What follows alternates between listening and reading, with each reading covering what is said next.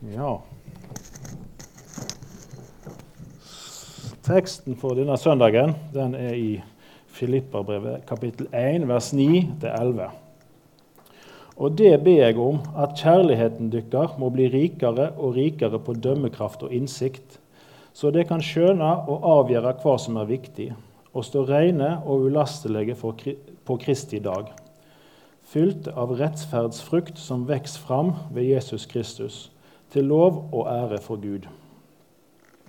Skal vi be litt? Herre, jeg takker deg for at du er her nå. Jeg takker deg for eh, det som du vil si oss gjennom denne talen. Jeg ber deg om at du skal åpne øynene våre, så vi forstår mer, så vi blir mer kjent med deg, så vi forstår mer av hva planer du har for oss. Amen. Vi skal komme tilbake til dette verset litt etter hvert, men først skal vi begynne lenge før, i Det gamle testamentet. Eh, der åpenbarer Gud seg for folket på spesielle plasser, men bare til et fåtall personer. Så det er veldig få som får høre direkte fra Gud. Og Som oftest er det konger eller ledere for folket. Eh, og Tidlig i historien om Moses så ser vi at Gud han åpenbarer seg for ham i en brennende busk. Og Senere så møtes de på fjellet og Gud gir Moses retningslinjer for hvordan han skal komme nær israelsfolket. Altså Gud skal komme nær israelsfolket. Så kan vi lese i 2. Mosebok 25, 8. La deg reise en helligdom for meg, så vil jeg bo midt iblant deg, sier han. Og Det er ikke Moses' sitt initiativ at Gud skal bo midt iblant dem. Det er Gud sjøl som tar initiativet. Han ønsker å være nær sitt folk. Og Moses bygger da dette sammenkomstens telt, eller tabernaklet, etter Guds nøyaktige beskrivelse. Og Det er her Gud vil åpenbare seg. Senere så bygger kong Salomo et tempel, og Gud han tar bostad i det tempelet. Og Vi kan lese i 2. krønikebok, kapittel 7, vers 1-3. Da Salomo hadde enda bønna si, for det eld ned fra himmelen. Elden åt opp brennofferet og slakteofferet, og Herrens herligdom fylte huset. Prestene kunne ikke gå inn i Herrens hus, for Herrens hus var fullt av Herrens herligdom. Da alle israelittene så elden og Herrens herligdom komme ned over huset, falt de på kne på steinhellene med ansiktet mot jorda. De tilba og lova Herren, for Han er god, evig varer Hans miskunn. Men som vi vet, så klarer ikke israelsfolket å, å være lydige mot Gud. Og, og, tar, og, Gud tar vekk sin beskyttelse over dem, og de blir drevet ut av landet sitt. Eh, og tempelet blir ødelagt. Og Etter at israelsfolket har vært i eksil i Babylon, så bygger de et nytt tempel. Og Det tempelet er det som står i Jerusalem Jesus, eh, på Jesus' i tid. Men det blir revet av romerne 70 år senere, og det kommer aldri et nytt tempel der. I tempelet så er det i det aller helligste Gud åpenbarer seg, og der har bare øverstepresten tilgang. Men når Jesus dør, så revner forhenget til tempelet. Det er et tegn på at fra Gud på at han ikke lenger bare skal åpenbare seg der i hemmelighet for noen få mennesker. Og Vi kan lese profetier i Det gamle testamentet om hva som skal skje. I Esekiel i kapittel 36, vers 26-28.: Jeg gjev dykk et nytt hjerte, og en ny ånd gjev jeg inni dykk. Jeg tek steinhjarta ut av kroppen på dykk og gjev dykk et kjøtthjarte i staden. Og min ande gjev jeg inni dykk, og gjør at det følger forskriftene mine. Hell lovene mine og lever etter dem. Da skal det få bo i landet jeg gav fedrene deres. Det skal være mitt folk, og jeg skal være deres Gud. Og Vi kan lese noe lignende i Joel, og akkurat da er det han eh, Peter siterer i talen sin på pinsedag, når folket ser disiplene som er fulgt av Den hellige ande og taler i tunge. Og Folket tror at de er fulle, men da sier Peter nei, nei, de er ikke det. Men, det som, men så siterer han ifra Joel. Men det er dette som er sagt gjennom profeten Joel. I de siste dager skal det hende, sier Gud, at jeg auser ut min ande over alle mennesker. Sønnene og døtrene deres skal profetere, de unge skal se syn, og de gamle drømmer drømmer. Sjøl over slavene og slavekvinnene mine vil jeg ause ut min ande i de dagene, og de skal tale profetord. Peter fortsetter i talen sin denne dagen å fortelle om David og om Jesus som er den Messias som jødene har venta på. Og Så kan vi lese litt senere i kapittel 2 vers 37-41. Eh, da de hørte dette, stakk det dem i hjertet, og de sa til Peter og de andre apostlene.: Hva skal vi gjøre, brød? Peter svarer, Vend om og la dere døype i Jesu Kristi navn, hver og en av dykk, så det får tilgjeving for syndene, og det skal få Den hellige andes gave. For lovnaden gjelder dykk og barna dykkar og alle som er langt borte, så mange som Herren vår Gud har kalla på. Og med mange andre ord vitner han for deg og formaner deg. La dykk frelse fra denne rangsnudde etter. De som tok imot budskapen hans, ble døypte. Og den dagen ble det lagt, omkring, tre, lagt omkring, til omkring 3000 mennesker. Og Hvis det var noen som fulgte med på denne fiskekonkurransen, her, så er det jo dette her Jesus har sagt til Peter for lenge siden. Eh, for når, eh, når eh, Jesus kaller Peter, så kan vi lese om i Matteus 4, 18-20. En gang gikk han, altså Jesus, langs med Galileasjøen. Der fikk han se to brødre, Simon, som ble kalt Peter, og Andreas, bror hans. De holdt på å kaste en not i sjøen, for de var fiskere. Og han sa til dem, 'Kom og følg meg, så skal jeg gjøre dere til menneskefiskere.' Med en gang gikk de fra garna sine og fulgte han. Så den, den, Fiskefangsten som vi ofte tenker på som Peter skulle få, det var jo når garnet holdt på å rakne, de fikk så mye fisk. Men det som Jesus skal for, ha forberedt ham på, kanskje med at han fikk så mye fisk i garnet den gangen, er at nå så samler han inn 3000 mennesker til Guds rike på én dag.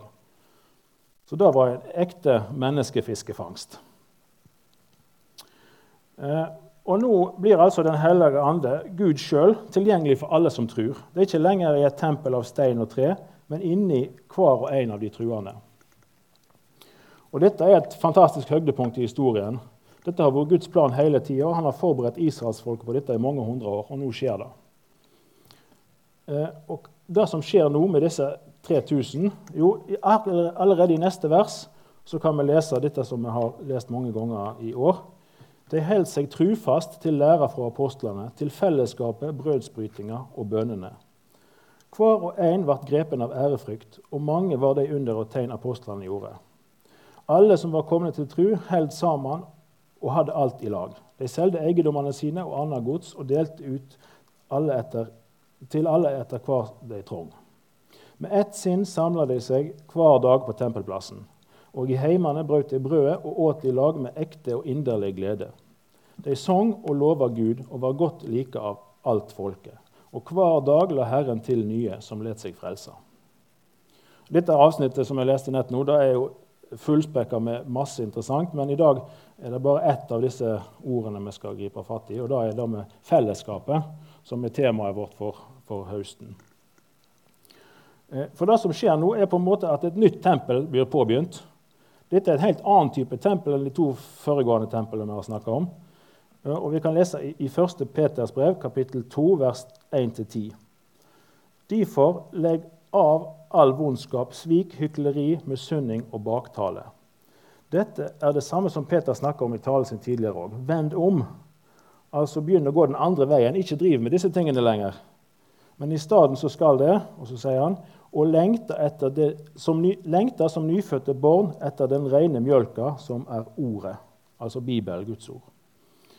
Så det kan vokse ved den til frelse. For det har smaka at Herren er god. Kom til Han, den levende stein, som ble vraka av mennesket, men som er utvalgt og kostelig for Gud. Vær det òg levende steiner. Bli bygd opp til et åndelig hus, til et hellig, presteskap, og ber fram åndelige gaver åndelige offer som Gud tar imot med glede ved Jesus Kristus.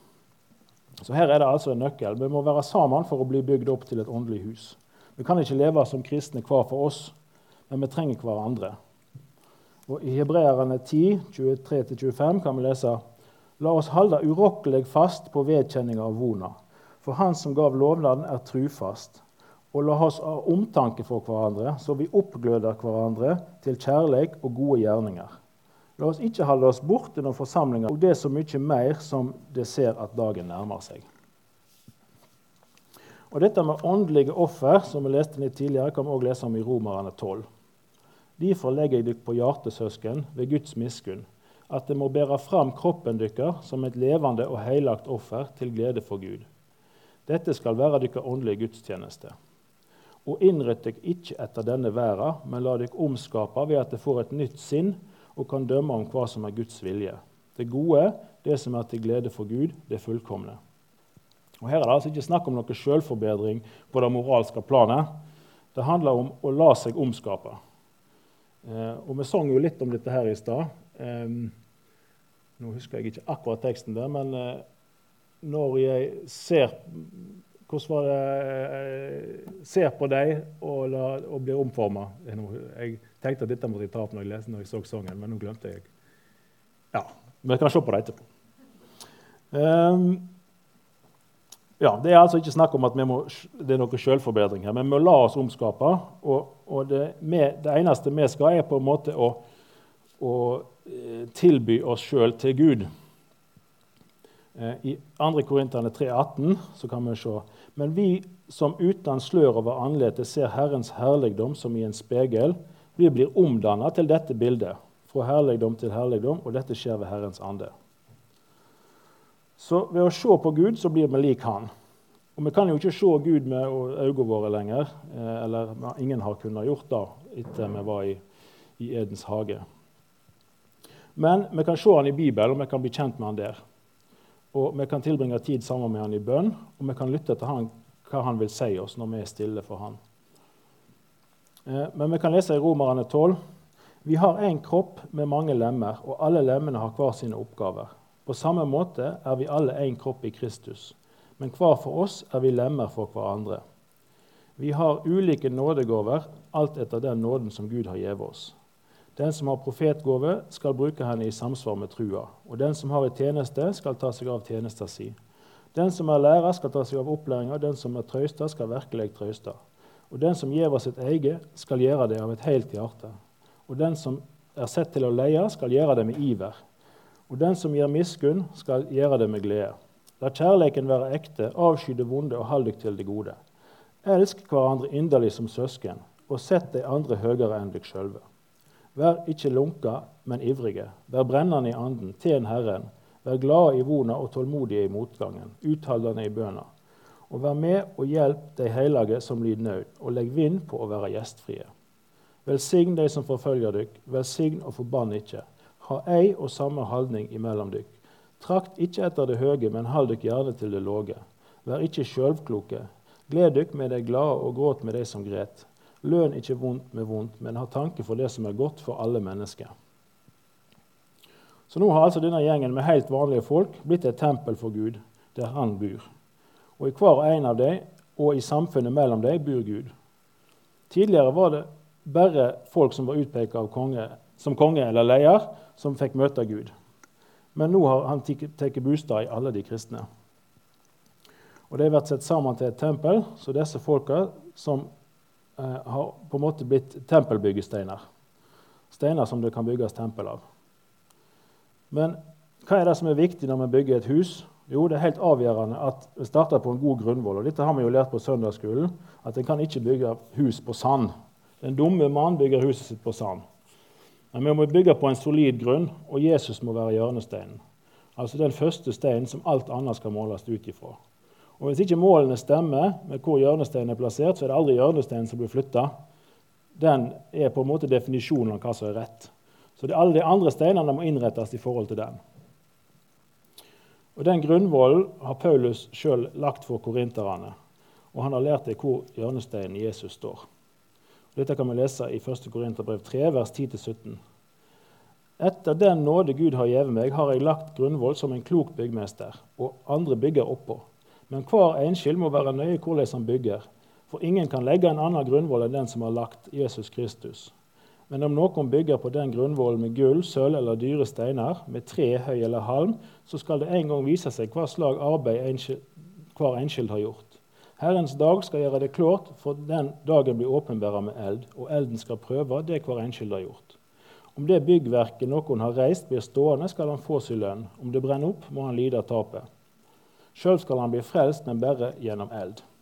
Vet dere ikke at det er Guds tempel, og at Gud ande bur, Guds ande bor i dykk? Om noen ødelegger Guds tempel, skal Gud ødelegge han. For Guds tempel er heilagt, og dette tempelet er det. Her er det ganske alvorlige ord, og jeg vet ikke hva alt dette betyr. Men jeg forstår såpass at dette handler om hvordan vi lever. Vi kan ikke på en måte bare surfe gjennom livet og så trekke Jesuskortet når vi kommer til dommen. Det er ingenting i Bibelen som tyder på at livet som kristen er ment å være noe lett liv uten motgang. Så legg så jeg legger dere på hjertet det som er fanget for Herrens skyld, at dere må leve et liv som er verdig det kallet dere har fått, mildt og ødmykt og tålmodig, som, så det ber over med hverandre. Men det handler ikke om at vi legger oss under lova. Lova kan ikke frelse oss. Så vi må ikke gå i den fella. Vi, vi, skal leve frie fra lova. I Galaterne 5,1 kan vi lese til fridom har Kristus frigjort oss. Stå derfor støtt, og la ikke noen tvinge dere inn att under slaveåket. Og i vers 16-26.: Jeg sier dere, lev et liv i anden. Da følger det ikke de vonde lystne i deres kjøtt og blod. For det kjøttet vil, står anden imot, og det anden vil, står kjøttet imot. De to ligger i strid med hverandre, så det ikke kan gjøre det det vil. Men, det blir, driv, men blir det drivne av anden, da er det ikke under lova. Det er klart hva slags gjerninger som kommer fra kjøttet Hor, umoral, usømd, avgudsdyrking, trolldom, fiendskap, strid, sjalusi, sjølvhevding, usemje, splittinger, misunning, føl, festing og mer av det slaget. Jeg har sagt det før, og jeg sier det på nytt. De som driver med slikt, skal ikke arve Guds rike. Men andens frukt er kjærleik, glede, fred, tålmod, mildskap, godleik, truskap, øydmykskap og sjølvdisiplin. Slike ting er ikke lova imot. De som hører Kristus til, har korsfest kjøttet med lidenskapene og de vonde lystne. Vi lever ved Anden, så la oss vandre i Anden. La oss ikke være drivne av æresjuke, så vi utfordrer og misunner hverandre. I Efeserane 4, 1-2 så legger jeg dere på hjertet, jeg som er fange for Herrens skyld, at dere må leve et liv som er verdig det kallet dere har fått. Mildt, ydmykt og tålmodig, så dere bør over med hverandre i kjærlighet. Nå er vi på vei tilbake til utgangspunktet i Filipperbrevet. Men i Filipperne 2, 12, 13 så står det eh, Mine kjære, det var alltid lydige med den, det var alltid lydige med jeg var hos dykk. Så vær det da enda mer når jeg er borte, og arbeid på deres frelse med respekt og ærefrykt. For det er Gud som er verksam i dykk, så det både vil og gjør det som er etter Guds gode vilje. For Det handler om at vi må leve et liv som står i stil til den omvendingen som Peter snakker om i talen sin på pinsedag. Den som stakk det djupt i hjertet av de som hørte på. Så det er altså noe som blir lettere når vi lever, Dette er noe som blir lettere når vi lever i samfunn med hverandre, i tett samfunn med andre kristne. Da kan vi inspirere hverandre og oppmuntre hverandre. Og Da blir det som sto i dagens tekst, at kjærligheten deres blir rikere og rikere på dømmekraft og innsikt, så det kan skjønne og avgjøre hva som er viktig. Og Da fører det igjen til at vi kan stå rene og ulastelige på Kristi dag. Og det fører også til at vi blir fylt av rettferdsfrukt som vokser fram ved Jesus Kristus til lov og ære for Gud. Og i, i slutten av det eh, eh som jeg leste fra eh, apostelgjerningene 2, så står det at de sang og lova Gud og var godt like av alt folk, og hver dag la Herren nye til som let seg frelse. Men Det er altså ikke for at vi er så fantastiske at vi er godt like, men det er fordi at vi speiler Gud, som er fantastisk. Og De andre to tekstene for denne søndagen det er Mika kapittel 6, vers 6-8. Hva skal jeg komme fram for Herren med når jeg bøyer meg for Gud i det høye? Skal jeg komme fram til Han med brennoffer, med årsgamle kalver? Bryr Herren seg om tusenvis av værer, ti tusen av oljebekker? Skal jeg ofre min førstefødte for mitt brudd, min livsfrukt for min sjels synd? Han har kunngjort for deg, menneske, hva godt er, og hva Herren krever av deg. Bare at du gjør rett og viser trufast kjærlighet og vandrer audmjukt med din Gud. Og Den andre teksten er fra Matteus kapittel 5, vers 38-48. Dere har hørt har sagt, øye for øye og tann for tann. Men jeg sier dere, sett dere ikke til motverje mot de som gjør vondt mot dere. Om noen slår deg på høyre kinnet, så vend òg det andre til. Og vil noen saksøke deg, og gjev til den som ber deg, og vend ikke ryggen til den som vil låne av deg. De har hørt dere sagt, du skal elske nesten din og hate fienden. Men jeg sier dere, elsk fiendene deres, velsign de som forbanner dere, og gjør vel mot de som hater dere og be for de som mishandler dere og forfølger dere. Slik skal det være barn av Far dere i himmelen. For han let si sol skinne over vonde og gode, og let det regne over rettferdige og urettferdige. Om de elsker de som elsker dere, er det noe å lønne dere for? Gjør ikke tollerne det samme? Og om de hilser vennlig, vennlig på deres egne, hva stort gjør det da? Gjør ikke heidningene det samme? Vær da fullkomne, liksom Far deres i himmelen er fullkommen.